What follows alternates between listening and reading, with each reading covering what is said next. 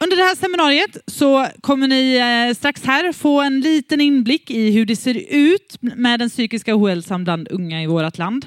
Ni kommer få möta ytterligare tre personer som verkligen har ett hjärta för de här frågorna. Så kommer ni få lite praktiska tips om eh, hur man kan göra, vad som finns, hur man kan få information och resurser på det här området. Och sen så kommer vi att avsluta den här, det här seminariet med en andakt där vi får eh, lovsjunga Gud och där vi får be tillsammans. Så varmt, varmt välkommen hit. Jag tänker det känns alltid gött att få, få be en bön tillsammans innan man eh, börjar. Så Jesus, tack för att du är här just nu. Tack helige Ande för att du finns i det här tältet. Tack för att du finns hos var och en som, som har kommit hit just nu. Och du vet precis varför vi sitter här. Du vet precis vad det är som har fått oss att ta oss ända ut hit i Rutanområdet den här varma tisdagen eh, på eftermiddagen. Jesus. Så jag ber om att du ska tala till våra hjärtan den här dagen. Att du ska uppmuntra oss, att du ska ge oss vägledning, att du ska ge oss hopp, Gud. Tack för det. Tack för att du är hoppets Gud. Så vi välsignar varandra och välsignar den här stunden i Jesu namn. Amen. Vi ska alltså prata om psykisk ohälsa bland unga. Och de, de fakta, de siffror som jag kommer ge er nu hämtar jag ifrån eh, Folkhälsomyndighetens rapport för skolbarns hälsovanor. De har gjort en stor undersökning bland barn och ungdomar. Den finns på deras hemsida, så det, eh, den kan du eh, titta in på och se vad det finns där. BRIS släppte i vintras också en ny undersökning som heter BRIS Hur har barn det? Och där kommer också en viss information. Sammanfattningsvis i de här undersökningarna så visar det att den senaste visar att de allra flesta elever i Sverige de är tillfreds med livet och skattar sin hälsa som god. Flera av de levnadsvanor som mäts fortsätter också att förbättras eh, med till exempel färre som varit berusade. Men däremot så är utvecklingen oroande skriver man när det gäller skolan och elevernas psykiska hälsa. Man räknar med i Sverige att det handlar om närmare 190 000 barn och vuxna som lider av någon form av psykisk ohälsa. 190 000 som lider av psykisk ohälsa. Det är ganska många. Det betyder att jag tror att de flesta här inne i det här tältet just nu känner åtminstone en som brottas med det här. Undersökningar visar att 11-åringar de trivs rätt bra med livet. Men sen ser man en ganska kraftig minskning i hur man trivs med livet. En, viss, en ganska drastisk minskning till man är 13 år och sen fortsätter det att gå ut för när man är 15. Bland, eh, bland tjejerna som är 15 år så är det bara 60 procent som säger att jag är tillräckligt bra som jag är. Och 61, bara 61 procent som säger att jag tycker om mig själv. Siffrorna är lite högre bland killarna men 15-åriga tjejer verkar ha en ganska skev bild av sig själv. Man ser i undersökningen att många har psykosomatiska besvär, alltså psykiska besvär som sätter sig i kroppen. Det kan vara huvudvärk, man är lättirriterad, man har ont i magen och sömnsvårigheter. Och i undersökningen så visar det så tar man inte hänsyn till om man har det någon gång ibland utan man räknar med att man ska ha minst två av de här symptomen varje vecka. Och andelen med elever med psykosomatiska besvär de ökade bland 11-åringarna mellan 2013 och två, eller, i undersökningen som var 2013 14 och 17 18. Bland flickorna så ökade den med 29 procent. Eh, eller från 29 procent till 41 procent. Och för pojkarna så ökade andelen från 20 till 30 procent. Så 41 procent av eleverna som är 11 år och 30 procent av killarna i samma ålder upplever de här besvären varje vecka. Många ungdomar och barn ringer BRIS varje år eh, och den psykiska ohälsan är det man ringer för främst. Det är det vanligaste ämnet när ett barn kontaktar BRIS och det är samtal om ångest som förlamar eh, och, och skrämmer, en vilja att skada sig själv eller att inte längre orka leva. Och de senaste åren så säger de att allvarsgraden i samtalen till BRIS har ökat, men betydligt fler barn som söker stöd för självmordstankar och självdestruktivitet. I BRIS samtal så är också en röd tråd, det är svårigheten att få hjälp bland vuxna. Barn berättar att de lämnas ensamma med de här brottningskamperna och med sitt mående och att samhällets stöd inte är tillgängligt. BRIS kontakter med barn visar hur barn kämpar för att bli lyssnade på. Man kämpar för att bli tagna på allvar och få rätt stöd. Man ser också hur trivseln i skolan minskar och hur stressen ökar. Mellan 2016 och 2018 så har BRIS samtal gällande skolan ökat med 25 procent. Och det är stress och prestationskrav och det som är ganska nytt det är att man även upplever det här när man har lov eller på helger. Vilket tyder på att man, man, har, man lyckas inte släppa stressen. Man tar inte helg utan man lever fortfarande i det. Man tar inte sommarlov utan man fortsätter leva i skolstressen. Det är en ny sak. Och tyvärr så ser vi också att andelen mobbade ökar och mest bland tjejerna i 13 till 15 års åldern. Det är många av de unga som mår dåligt, väldigt många av de unga som mår dåligt. Att vara tonåring, det är inte lätt.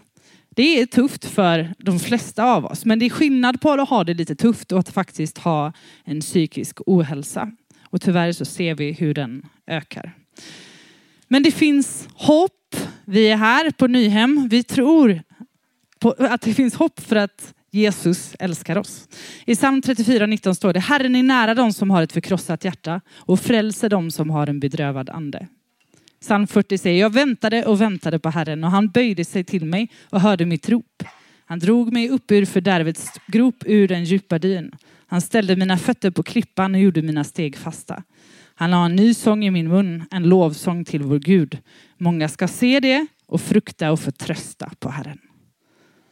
Och Romarbrevet 15 och 13 säger, må hoppets Gud fylla er tro med all glädje och frid och ge er ett allt rikare hopp genom den helige andes kraft.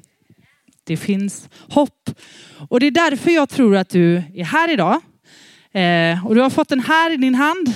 Det står det finns hopp. Vi kommer att prata mer om vad det här är för någonting.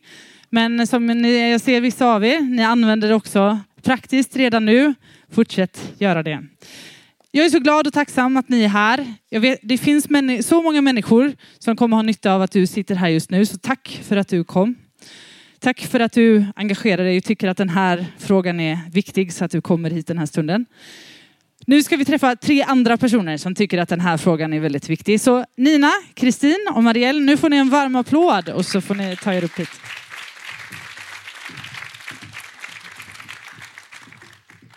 Välkomna.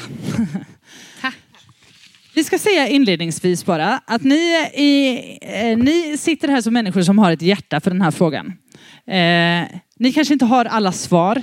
Ni kanske inte har eh, liksom all, all professionell kunskap. Men ni är människor som bryr er. Eh, och det är det som samtalet kommer utgå ifrån. Jag tänkte Nina, kan inte du börja berätta för oss lite. Vad, vad är det, varför tycker du att den här frågan är viktig? Alltså jag tänker på det du sa först, att vi kanske inte sitter med alla svar. Men åh vad jag önskar att vi hade. Men det vi kan komma med och varför den här frågan är så viktig för oss, det är just att vi ser hur det kablas ut psykisk ohälsa. Vi vet knappt hur vi ska bemöta det, vi vet knappt vad det är. Och de säger en del att ingen vet egentligen vad det beror på. Och det här är väldigt skrämmande. Och det, jag jobbar inom LP Grow och vi har ju så att vi riktar mot ungdomar som är, det är ett missbruksarbete. Vi vill jobba förebyggande, men även om man liksom har vuxit upp med föräldrar som missbrukar, eller om man är själv är det. Vi ser ju att det finns en risk för att man börjar självmedicinera. Eller att man börjar ta droger för att man tänker, som det var för, för min del, att det fyllde någonting som jag ansåg, som jag kände var trasigt. Men eh, det blev en kemisk falsk väg för mig att gå.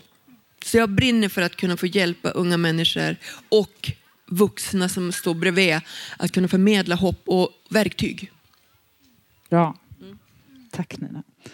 Kristin, du har precis, eller ganska nyss börjat jobba på Pingst omsorg och där det här har blivit en av dina viktigare frågor. Är det något du var tvungen till eller? Eh, eller? Det var redan en av frågorna som fanns i pingstomsorg.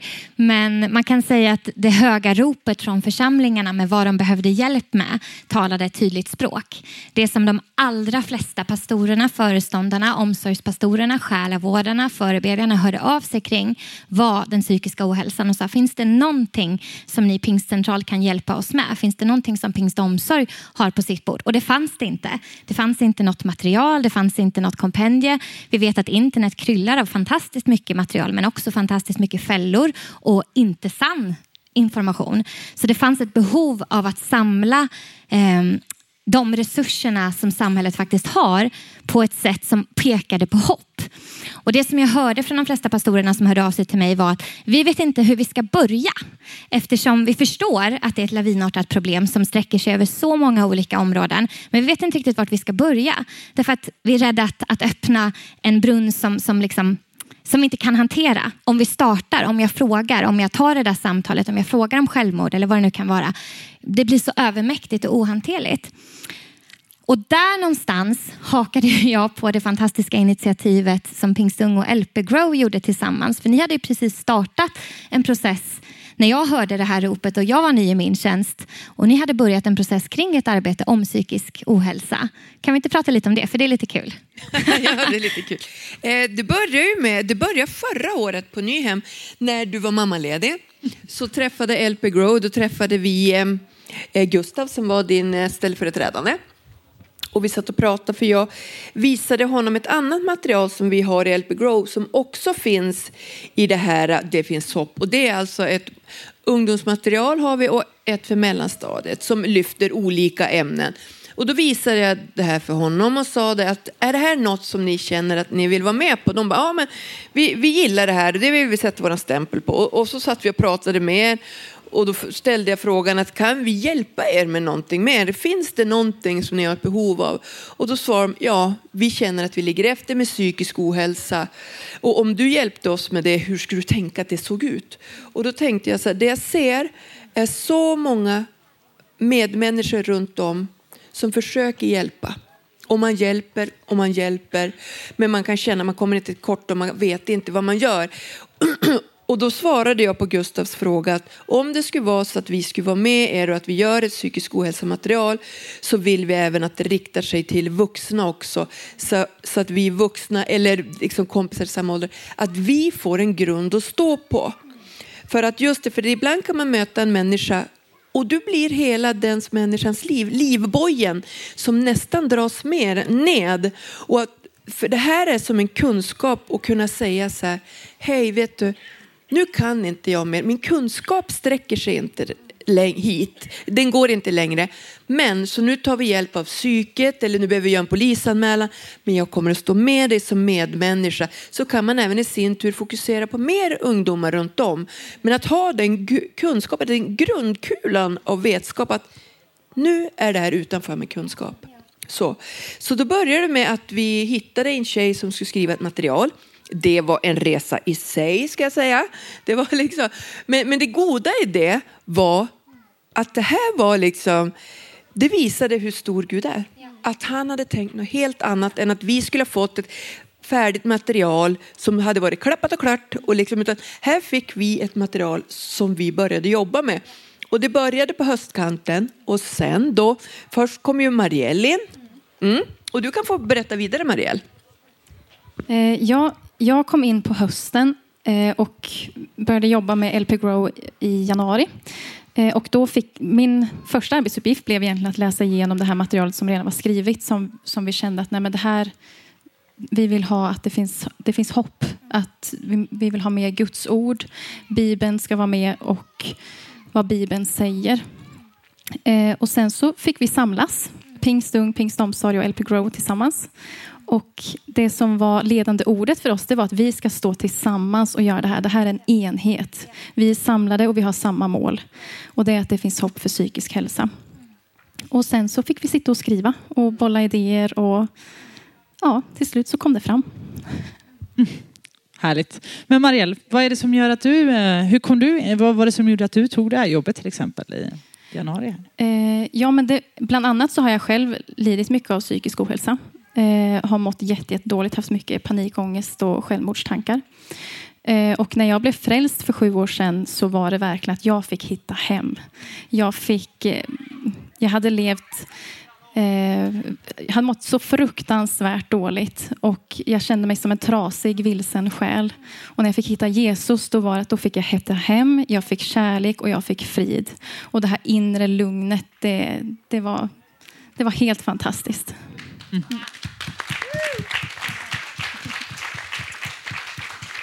Kristin, du har ju också en erfarenhet själv av psykisk ohälsa. Vad skulle du säga till den som sitter här och som kanske har en, en tonåring, en ungdom som mår kass just nu? Vad, vad kan man göra som, om man är ledare eller kanske förälder? Men vad, vad är dina liksom, huvudtips mm. när man finns nära någon som mår dåligt? Och mitt första huvudtips det är att se dig själv i spegeln och säga jag är fantastisk. Jag gör allt jag kan och det räcker. Och det jag inte kan, där jag inte klarar av mer, där tar Gud vid. Och vet om att det inte står och faller på att du har en bra dag och säger och gör allting rätt. För det är kämpigt nog att vara förälder som det är. Och att vara förälder till en barn eller ung som lider av psykisk ohälsa på något sätt, ätstörningar eller självskadebeteende. Det kan vara psykisk terror även för den närstående och den anhöriga. Och jag är helt säker på att i ett rum av den här storleken, med tanke på den statistiken som vi känner till att en eller flera, kanske 10-15 av er har närstående som lider av psykisk ohälsa. Det kanske är därför du är här. Du kanske finns här inne och nu går jag på lite men det här, det här är på mitt hjärta. Jag vet att det finns en dubbelhet ibland när man också är i ledarskap. Att man kanske känner att man ehm, du kanske är här i din roll som ledare men egentligen är du här som förälder och känner att egentligen vill jag bara veta vad jag ska säga till min 14-åriga dotter. Och det finns hopp för din 14-åriga dotter. Oavsett vad det är så finns det hopp. Därför att Jesus är hoppet för psykisk hälsa. Och det var på något sätt där som vårt arbete landade i en, en formulering. Det var där namnet föddes. Därför vi satt med det här kompendiet med fantastiskt mycket kompetens som går att googla fram eller läsa böcker eller studera till psykolog och få tag på. Men det saknades ett hopp om vad som händer när man har gjort allt som man kan tänkas göra. När man har sagt allt, när man har prövat alla tio knep och allt vad det är. Vad tar vid då när det inte finns någonting annat att göra?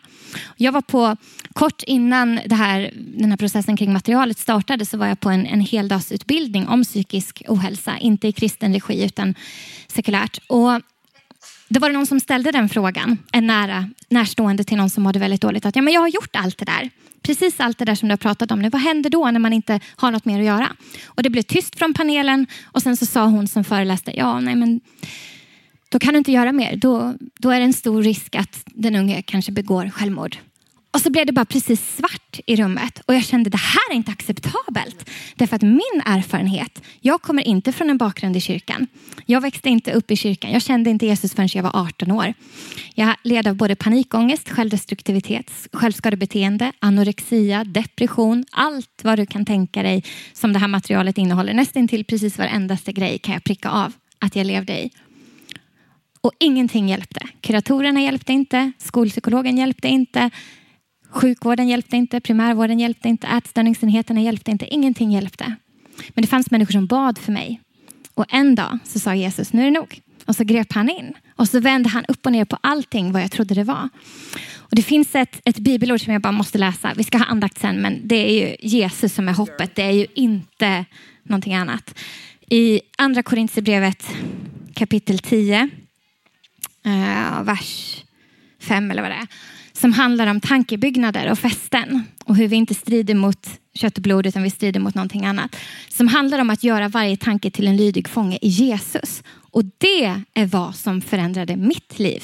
Att min hjärna fick omprogrammeras från att tro att jag var värdelös, att jag inte hade ett värde, att jag var ful, att jag var äcklig, att jag inte var värd att älskas eller respekteras till att se på mig själv som en älskad dotter till den högste kungen och veta att långt innan jag formades i min fantastiska mammas mage så visste han vem jag var, så kände han mig, så hade han räknat varje hårstrå, skrivit ner varje dag och sett alla mina dagar och vetat att det han tänkte om mina dagar var hopp och liv och ljus och frihet.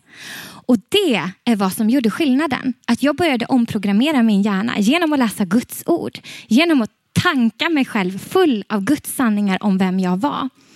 Och det är det som är hoppet för din tonåring. Att du själv som förälder som anhörig, som närstående, se dig själv i spegeln och säg jag är älskad, jag är viktig, jag är värdefull. Och det är okej okay att jag inte räcker till, för Gud räcker till. Och lägga det i hans händer. Vi kommer ha det som ett moment i andakten ikväll, eller idag, att vi ska öva på att lägga av i Guds händer. I materialet som vi har gjort så finns det andakter för dig som är närstående och för dig som lider av psykisk ohälsa eller för din tonåring. Det finns andaktsmaterial att använda i grupp, men det finns också texter som du bara kan sätta i händerna på den som mår dåligt. Säg läs det här, så har någon annan tänkt ut vad du behöver behöver säga så behöver du inte uppfinna hjulet själv.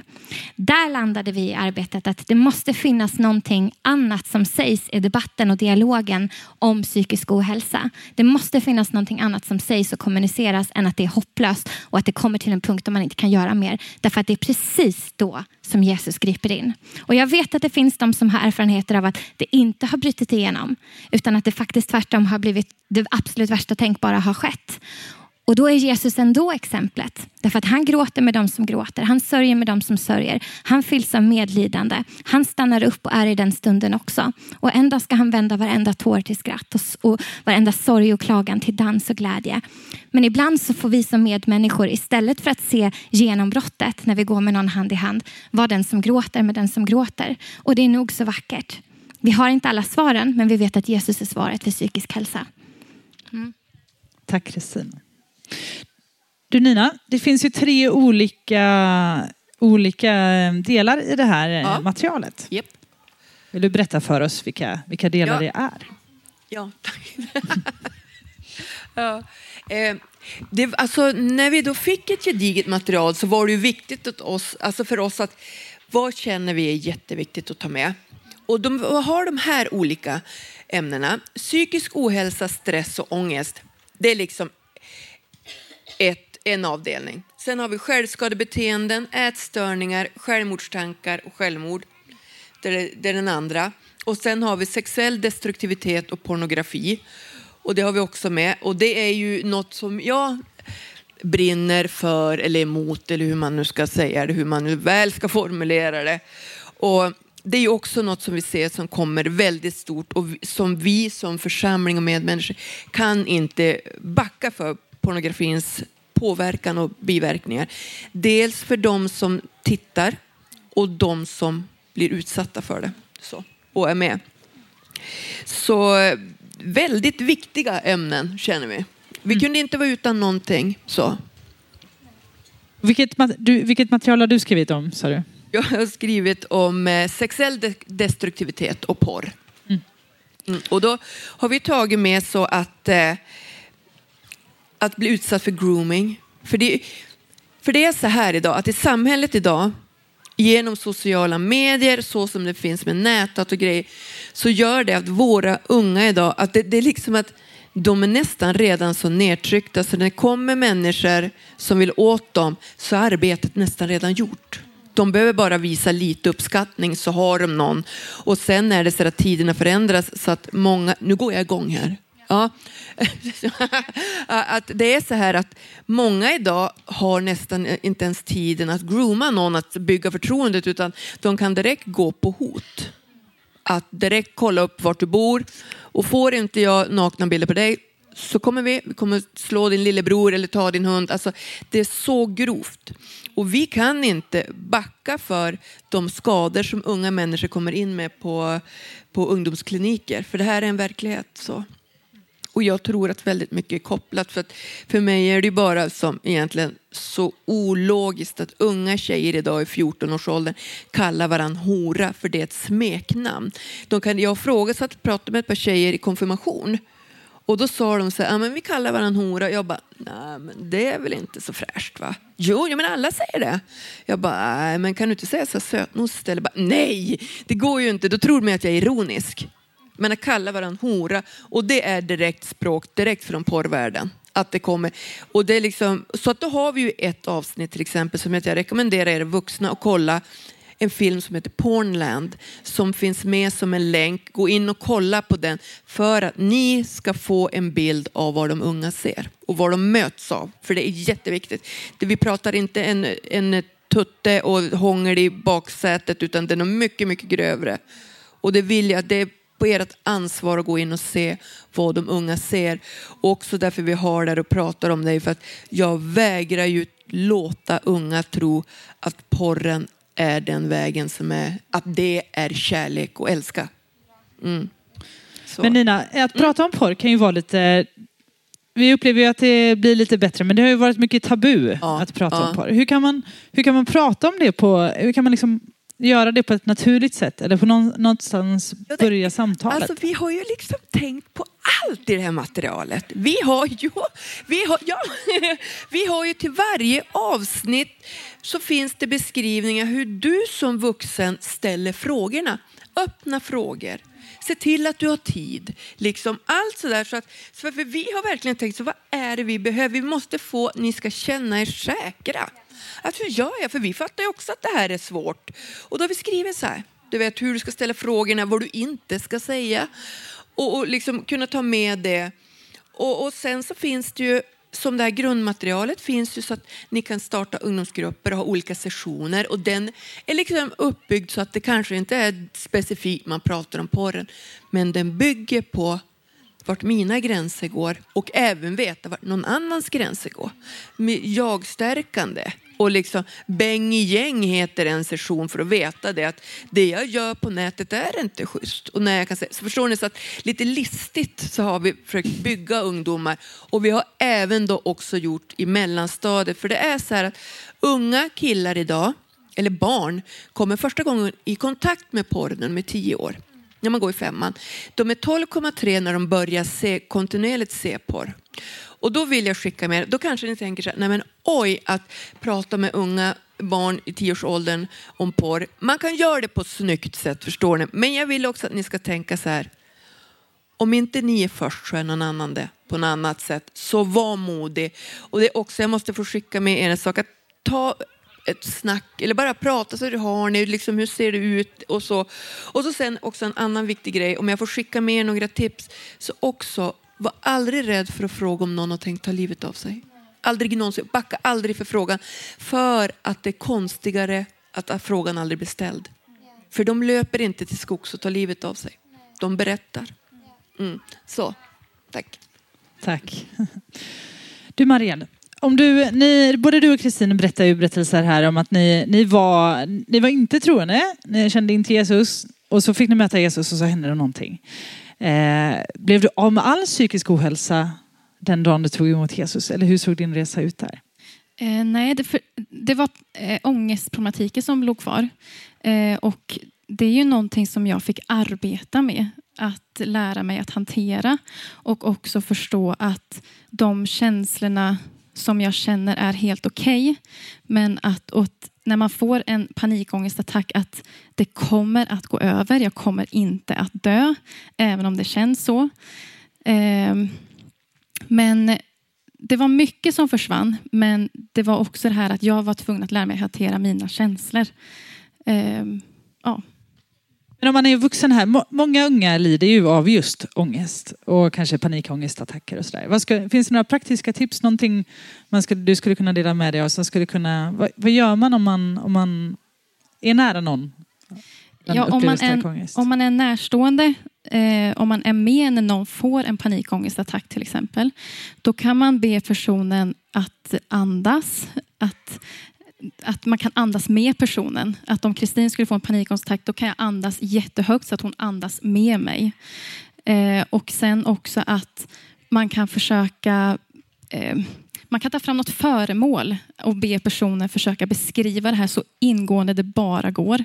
För att försöka få tankarna att skingras åt något annat håll. Eh, och det finns även andas i en fyrkant och det finns med i materialet. Eh, att och det här andas i en fyrkant. Det handlar liksom om att man har som en fyrkant framför sig. Man kan antingen ha den rent praktiskt, att man har en fyrkant. Eller så kan man tänka sig en fyrkant. Och så ska man andas in på ena strecket och andas ut på nästa. Så gör man så. Eh, och Det där är jättebra ifall man gör det när man mår bra. När man inte har en panikångestattack. För att när du får panikångestattacken att du lätt ska kunna ta fram den där fyrkanten i huvudet och andas. Jag bara, tänk om du vill se. Jag tänker att det här som vi gör nu, det är precis det som var anledningen till att vi ville ha ett material, eller hur? För vi bara, de här frågorna får vi hela tiden. Vad ska man göra? Och vi bara, åh, vi kommer ju inte ihåg allting. Så vi har satt allting i materialet så att vi ska slippa komma ihåg det. För då kan man ha det med sig. Man kan lätt nå det på internet. Man kan lätt eh, få tillgång till det och man glömmer ju bort så himla lätt. Så det här, vi skojade om det innan. Vi har materialet uppe så vi kan visa varandra ifall att man inte kommer ihåg. Eh, men de här tycker jag är bra. 4H att tänka på vid den akuta attacken. Håll ut, håll om, häll i, håll tyst. De går att tänka på. Ha tålamod, kroppskontakt, ge varm dryck, lyssna.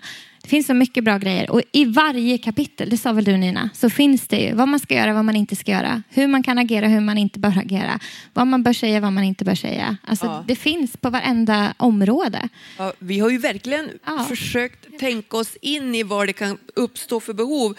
Och det vi har till exempel i sexuell destruktivitet och porr, där har vi också så här att, men hur jag gör en polisanmälan?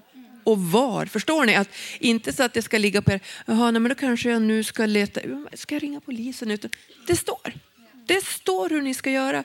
Det står liksom om ni har vuxna ungdomar och vill se den här pornlärn så finns det frågor till ni kan prata med. Alltså vi har försökt verkligen att kunna ge er någonting att känna. Sen såklart är det upp till er sen att gå in mer och mer och mer och kanske tillföra eller skriva till oss och säga så här, lägg till det här. Det här kan jag. Så bygger vi på och bygger på. Men ni har en bra grundstomme. Vi har en bra. Massor med frön. Massor med frön är det. Ja. Nina, du har ju ett boktips här också. Ja, Ska du säga något om boken som ligger här? För att nu så här, som tack för början på vårt gigantiska samarbete, bara början, så ville LP Grow ge en bok både till Pingst Omsorg och till Pingst Ung. Och så är det ett tips till er. Den här boken, Möt mig som jag är, är skriven av en tjej som heter Therese Eriksson. Hur vuxna i kyrkan kan stötta unga som skadar sig själv, men även hur man för dialog. Och nu till det riktigt, riktigt bra. Kostar 9 kronor här uppe på Nyhem. Gå och köp den. Ni vet, kunskap är inte svårt att bära. Så att, eh, och om inte ni köper dem, då köper jag alla själv. och ge bort. Jag tror du skulle säga om du inte köper den köper jag den åt dig. Ja, ja, ja, ja, ja, kan man säga så? Ja, okej. Det beror på hur dyrt det blir. Kristin, en sista fråga här till dig. Eh, jag skulle vilja fråga dig, ibland kan man ju känna så här, det finns massa professionella människor. Det finns, eh, ja, men det finns BUP och det finns skolkurator och det finns så, olika instanser som man kanske behöver koppla in när en ung människa mår dåligt. Men vad kan man göra som en, en helt vanlig medmänniska? Eller är, ja, vad är rollen som en helt vanlig medmänniska kan ha? Ja, alltså det beror väl lite grann, ja, det är en superviktig fråga. Men det beror väl lite grann på vilken relation man har till den som mår dåligt. Är det ditt barn så är din roll att vara förälder. Och endast vara förälder. Då är inte din roll att vara även psykolog och läkare och ätstörningsbehandlare och allt vad det kan vara. Utan då är din roll att vara förälder och ta hjälp av andra för det där du inte räcker till. Och vi som, de flesta av oss tillhör kyrkan, vi har ju en resurs där också. Att vi är familj. Vi ska inte stå ensamma. Och det finns människor som jobbar professionellt med de här sakerna i din församling. Var inte rädd att be om råd. Var inte rädd att be om, om tips och stöd. Är det en ungdom så hoppas vi att det här materialet verkligen ska stötta och eh, stärka ungdomsledare, ungdomspastorer och volontära ledare att våga göra någonting. Därför att kunskap är makt i det här avseendet. Och kan man säga okej när man blir överväldigad av information, någon kommer och visar upp ärr på armen eller vad det kan vara om man känner att jag vet inte ens vart jag ska börja, det här är övermäktigt. Men man kan säga jag känner inte till så mycket om självskadebeteende men vi skulle kunna titta tillsammans för jag vet att Pingst har ett material som handlar om psykisk ohälsa. Ska vi titta på det tillsammans? Och så kan man helt odramatiskt utan att känna att man måste kunna allt gå in, söka fram informationen, göra andakterna tillsammans eller vad det nu kan vara. Eh, och så blir det enkelt för alla att göra något. För vi vet att all forskning, Säga utan att ha läst all forskning, men den forskningen jag har hört säger att att göra något kan rädda liv. Inte att göra allt på en gång eller att veta allt eller ha alla svar, men att göra något. Att skicka det där smset, att eh, stanna kvar efter mötet och säga du, jag såg att du såg lite ledsen ut idag. Är det någonting, kan vi, ska vi prata? Och sen inte vara nervös eller orolig eller stressad eller överväldigad av den informationen du får. Därför att ibland så kan det vara så att det, den frågan aldrig har ställts. Så att när du ställer den frågan så öppnas hela brunnen av bara Åh, det är så avgrundsdjupt. Och då är det okej att säga ja, tack för ditt förtroende. Ska vi titta lite tillsammans på vad vi kan ta det här vidare? Jag tror att det är bra om vi inte är ensamma i den här processen. Går det bra att vi pratar med din mamma eller går det bra att vi involverar ungdomspastorn och lyssna på svaren? Ställ frågan. Jag vet inte, det finns massor av tips. Jag tycker man ska gå in på Pingstungpodden för där har vi ju svarat på jättemånga av de här frågorna i konkreta tips i avsnitt nummer två. Intressant. Och den är också länkad till på materialet. Kan ni förstå? Allt finns där. Precis. Pingstung har sedan eh, vintras eh, en podd och eh, under våren här så har vi just fokusområde psykisk ohälsa. Så att alla avsnitten handlar på ett eller annat sätt om psykisk ohälsa den här våren. Hörni, supervarmt tack för er insats. Jag tycker de får en varm applåd. Vilka fantastiska människor ni är. Tack för ert hjärta och ert engagemang. Några av dem kommer finnas kvar här efter seminariet, men jag vet att Nina till exempel behöver sticka. Hon har andra uppdrag, men hon finns eh, här på området. Ser du henne så hugg gärna tag om du har frågor eller tankar. När vi har börjat prata om de här frågorna så märker vi att det är många som har liksom på sitt eget håll känt ett väldigt engagemang för de här frågorna. Eh, och eh, jag har varit med om bara de senaste dagarna att många kommer och säger att ja, det här har jag liksom väntat på, att någon ska säga någonting om det här. Ja, jag kan vara med, jag kan vara med och bidra. Eh, och jag tänker att det kanske finns fler av er som sitter här inne som känner att ja, men jag har faktiskt någonting att bidra med. Vi vet inte riktigt vad vi ska göra av det, men vi skulle bara vilja få kanske någon kontaktuppgift, typ din mail eller någonting. Eh, så jag kommer sitta här efteråt och vill du, vill du bara säga att jag vill vara med om jag kan vara med på något sätt, så kom till mig. Men nu ska ni få lite teknisk information kring det här materialet. Så här är Alexandra som också jobbar på Pingstung. Och som har gjort grafiken och allt och gjort det här materialet så vackert till utseendet också. Ja, men tackar, tackar. Jag eh, som sagt, heter Alexandra och jobbar på Pingstung och jag fick äran att sammanställa det här och skapa den här sidan eh, Det finns hopp. Eh, vi tänkte så här, okay, men vad är vår gemensamma länk Eh, oss organisationer emellan och det är ju pingst. Så vi har lagt allt material på pingst.se det finns hopp. Och på den sidan, det är där du kan ladda ner det här materialet. Det är kompendie på 50 sidor. Ni såg att det låg här på bordet. Eh, Kristina hade med sig det. Och det är som sagt, det är kompendie på 50 sidor som innehåller introduktion. Eh, handlar jättemycket om identitet. Samuel Levensson höll en predikan under ungdomshelgen som handlade om identitet. Det var tema för den, eh, den dagen, den predikan. För vi måste börja där i identiteten. I att när vi hör från alla olika håll om vem vi är, framförallt bland ungdomar där vi försöker skapa vår identitet, om vem, vem vi är, så är det så otroligt viktigt att, det, vi, får, att vi får låta det vara Gud som talar in vem vi är och inte alla andra. Så vi har utgått från det. Vi vill att det ska vara en grund också för materialet. Att, eh, vilken identitet man har. Eh, och därefter så kommer tre avsnitten som, som vi också pratat om. Och därefter andakter. Jag vet, vi ska ha en andakt som avslutning här också. Men den här, hela det kompendiet finns som sagt att ladda ner på pingst.se det finns hopp. Jag vet det är lite, lite dåligt internet, lite varstans på området. Men, eh, men gå in där idag. Gå in när du eh, sitter och väntar på maten eller står i kön eller när du är på toaletten eller ja, vad du än gör. Så gå in där och titta för där finns också flera resurser. För vi känner att vi vill att det ska vara så enkelt som möjligt att komma åt de här resurserna och materialet. För när man, om man själv mår dåligt, om man har någon i sin omgivning som mår dåligt så är det så lätt att det känns övermäktigt. Att det känns, man, man blir rädd, man tycker det känns för tungt, för jobbigt att göra något. Man blir handlingsförlamad. Och därför vill vi att det ska vara så enkelt som möjligt att komma åt det här materialet. Så därför har vi gjort så att längst upp på den sidan så kan du klicka ner materialet och läsa igenom, precis som Kristin var inne på. Läsa det tillsammans med den här ungdomen eller, eller ditt barn eller din, ja, vem det nu kan vara. Läsa tillsammans om du känner så. Eller också bara förkovra dig själv så du känner dig förberedd. Vår önskan från Pingstung är att alla ungdomsledare ska liksom läsa igenom det här och känna bra, nu vet jag vad jag ska säga, nu känner jag mig trygg att prata om det här. Men eh, eh Ja, och de här resurserna på den här sidan då eh, vill vi också ska vara enkla att komma åt. Och det är kopplat till eh, lite olika saker. Jag skulle bara berätta lite grann om några av dem. Vi var inne på Pingst Ung-podden. Där kan du gå in och lyssna. Det finns ett jättebra avsnitt med Kristin och Johanna pratar om, om psykisk ohälsa bland unga. Riktat till ungdomsledare. Hur gör jag som ungdomsledare när, när mina ungdomar kommer till mig och pratar med mig och jag känner att jag vet inte vad jag ska säga. Toppen avsnitt. Eh, om du tycker det här var bra så, liksom så här, det bara fortsätter i den podden.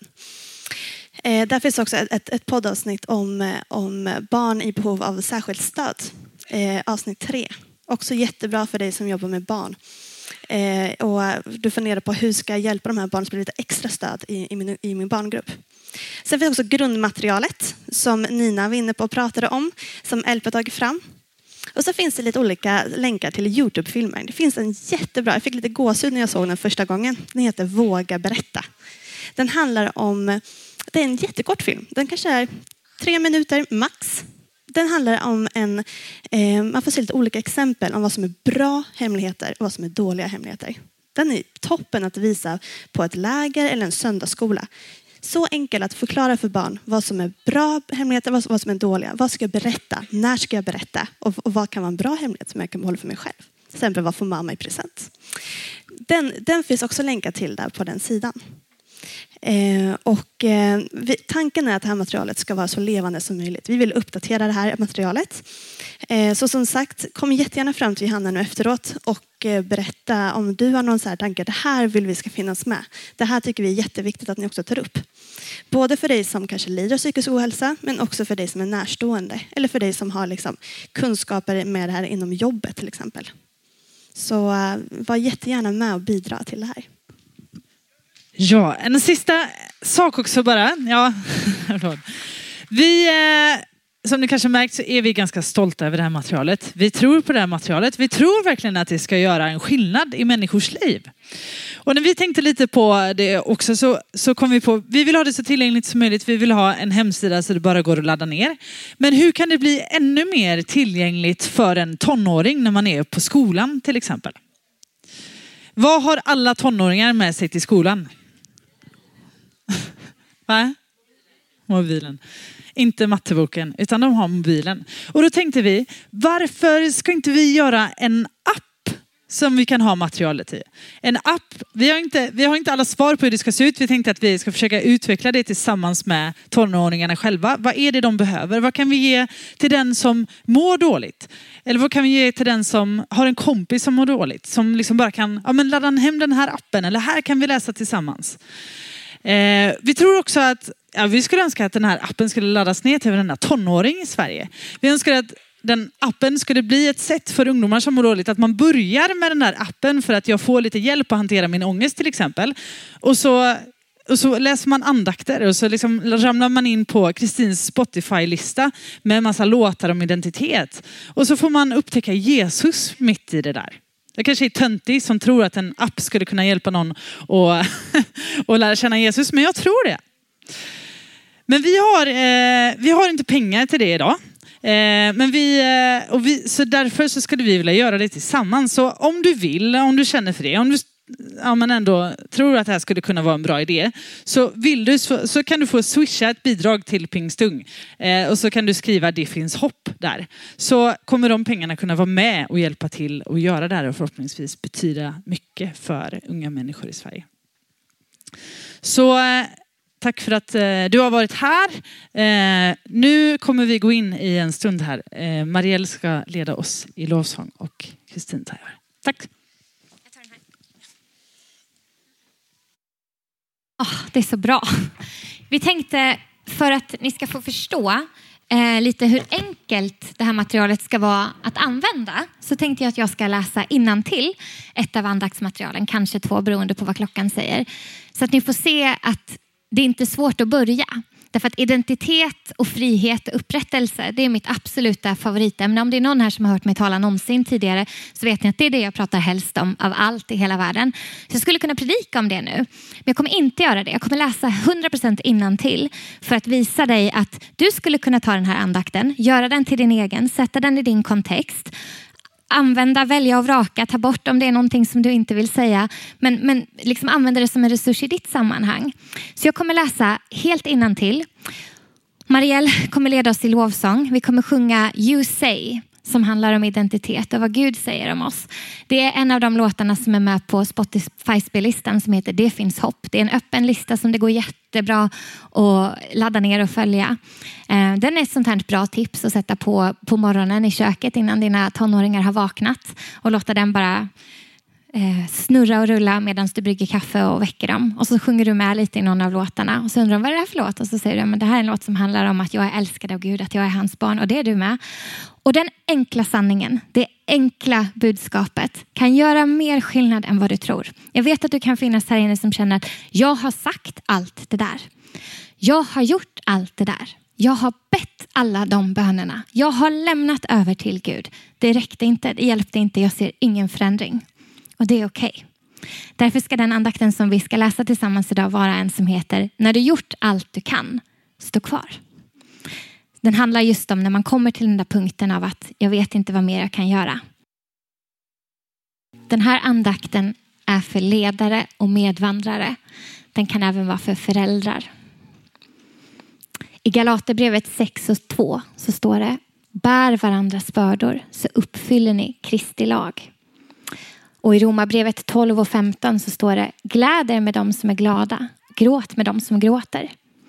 Och i Johannes evangelium 13, vers 34 till 35 så står det Ett nytt bud ger jag er, att ni ska älska varandra. Så som jag har älskat er ska också ni älska varandra. Om ni har kärlek till varandra ska alla förstå att ni är mina lärjungar. Det är inte meningen att du ska bära allt. Men det är meningen att du ska vara en pusselbit i din nästes helande. Det är meningen att du ska älska din nästa. Så som Jesus älskar dig. Utgivande, tjänande, barmhärtigt, tålmodigt, milt och med ett perspektiv av att ingenting är omöjligt för Gud. Kan det till och med vara så att Gud vill att vi ska utsätta oss för varandra och bära varandras bördor för att han vet vad det innebär? Att han vet att det enda sättet att orka leva så är genom att vi själva tankar på, fyller på, förblir uppkopplade och i synk med himlens perspektiv, i nära relation med honom. Han vet att för att orka bära varandras bördor så behöver vi leva nära honom med ett perspektiv som ger oss övertaget i alla lägen.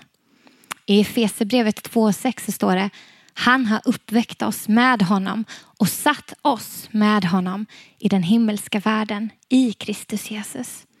Det är vårt perspektiv. Du kan få vara en medvandrare som sprider Guds ljus och hopp runt dig. Och om du själv fyller på dina depåer och lär dig att lämna av dina bördor till Jesus så kommer du att orka vandra bredvid. Om du håller dig sund och välmående, tar pauser och sätter gränser, har integritet och visar på vad det är att ha omsorg om sig själv så kommer du inte bara själv förbli välmående genom det hela. Du kommer även sätta en positiv standard för den du stöttar. Att vara en medvandrare är ibland snårigt och vandringen kan ibland passera genom dödsskuggans dal. Vandringen kommer ibland till en punkt då det inte finns mer att ge, inget nytt att säga, ingen stor uppenbarelse att dela och inte någon lösning på situationen. Ett sånt där läge då allt bara är omöjligt och obegripligt. Ett sånt där läge då du inte förstår varför det inte bara vänder någon gång. Ett sånt där läge då du själv känner att du snart inte orkar mer. Där på den platsen är genombrottet ofta närmare än någonsin. Det är sant att det är som mörkast precis innan ljuset bryter igenom. När du har kommit dit, stå bara kvar. Stanna kvar. Släpp inte taget. Ge inte upp om den du stöttar. Vad Gud gör i det fördolda vet vi inte. I den till synes tomma, omöjliga och formlösa situationen kan Gud bygga en bro med sin kärlek. I mörkret kan han lysa upp med sin närvaro och skapa någonting ur ingenting. I tystnaden kan Gud läka hjärtan. I tystnaden kan Gud tala liv.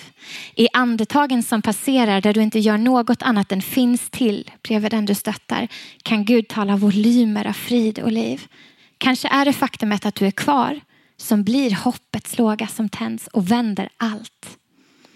I Saltaren 23 och 4 i en översättning så står det Även om jag vandrar i dödsskuggans dal fruktar jag inget ont för du är med mig.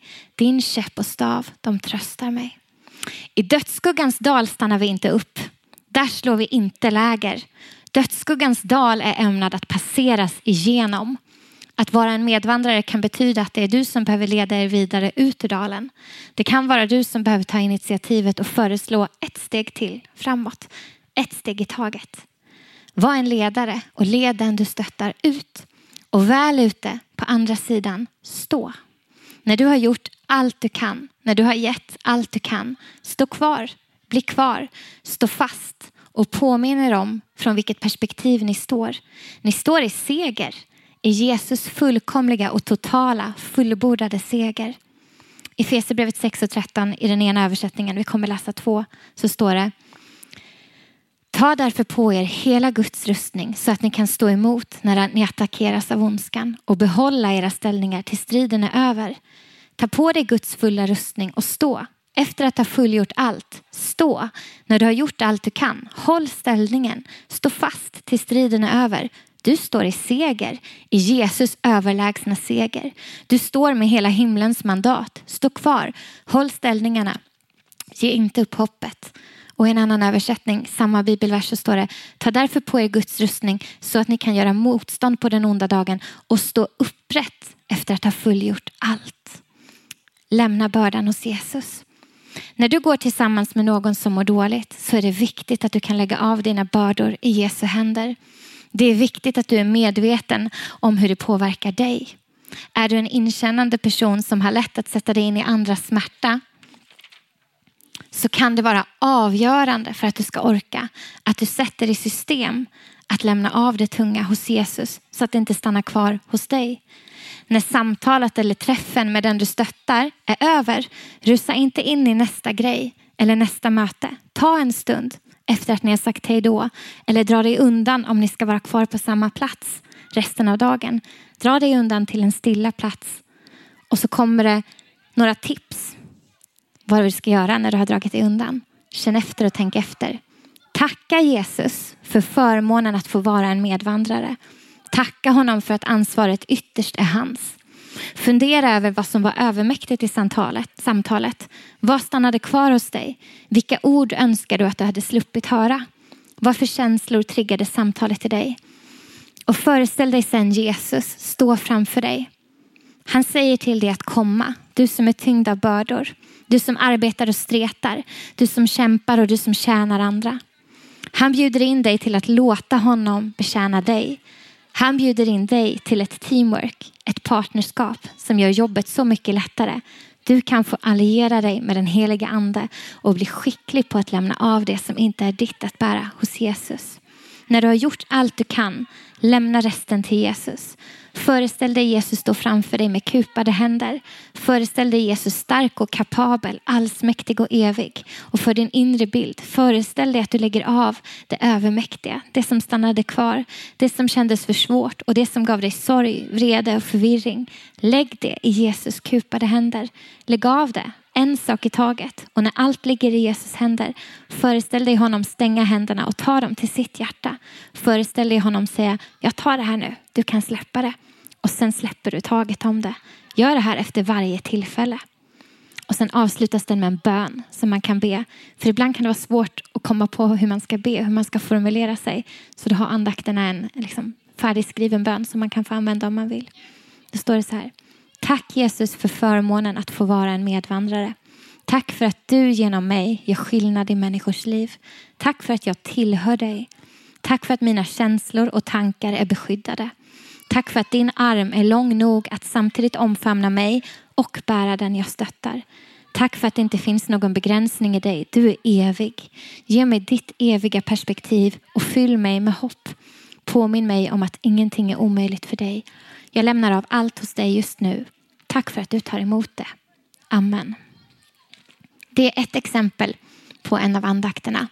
Andra rubriker är Du är älskad, du är inte ensam, Himlens tankar om dig, Det finns frihet för dig, Hopp om en ny start. Och just nu så håller vi på att arbeta med en som är specifikt riktade till föräldrar med temat att barnen som vi får lov att ha här på jorden, de får vi förvalta en kort stund men ytterst så tillhör de Gud fader i himlen och har det perspektivet på sitt föräldraskap. Och kommer ni på fler teman på andakter som behöver vara med i materialet så hojtar ni, eller hur?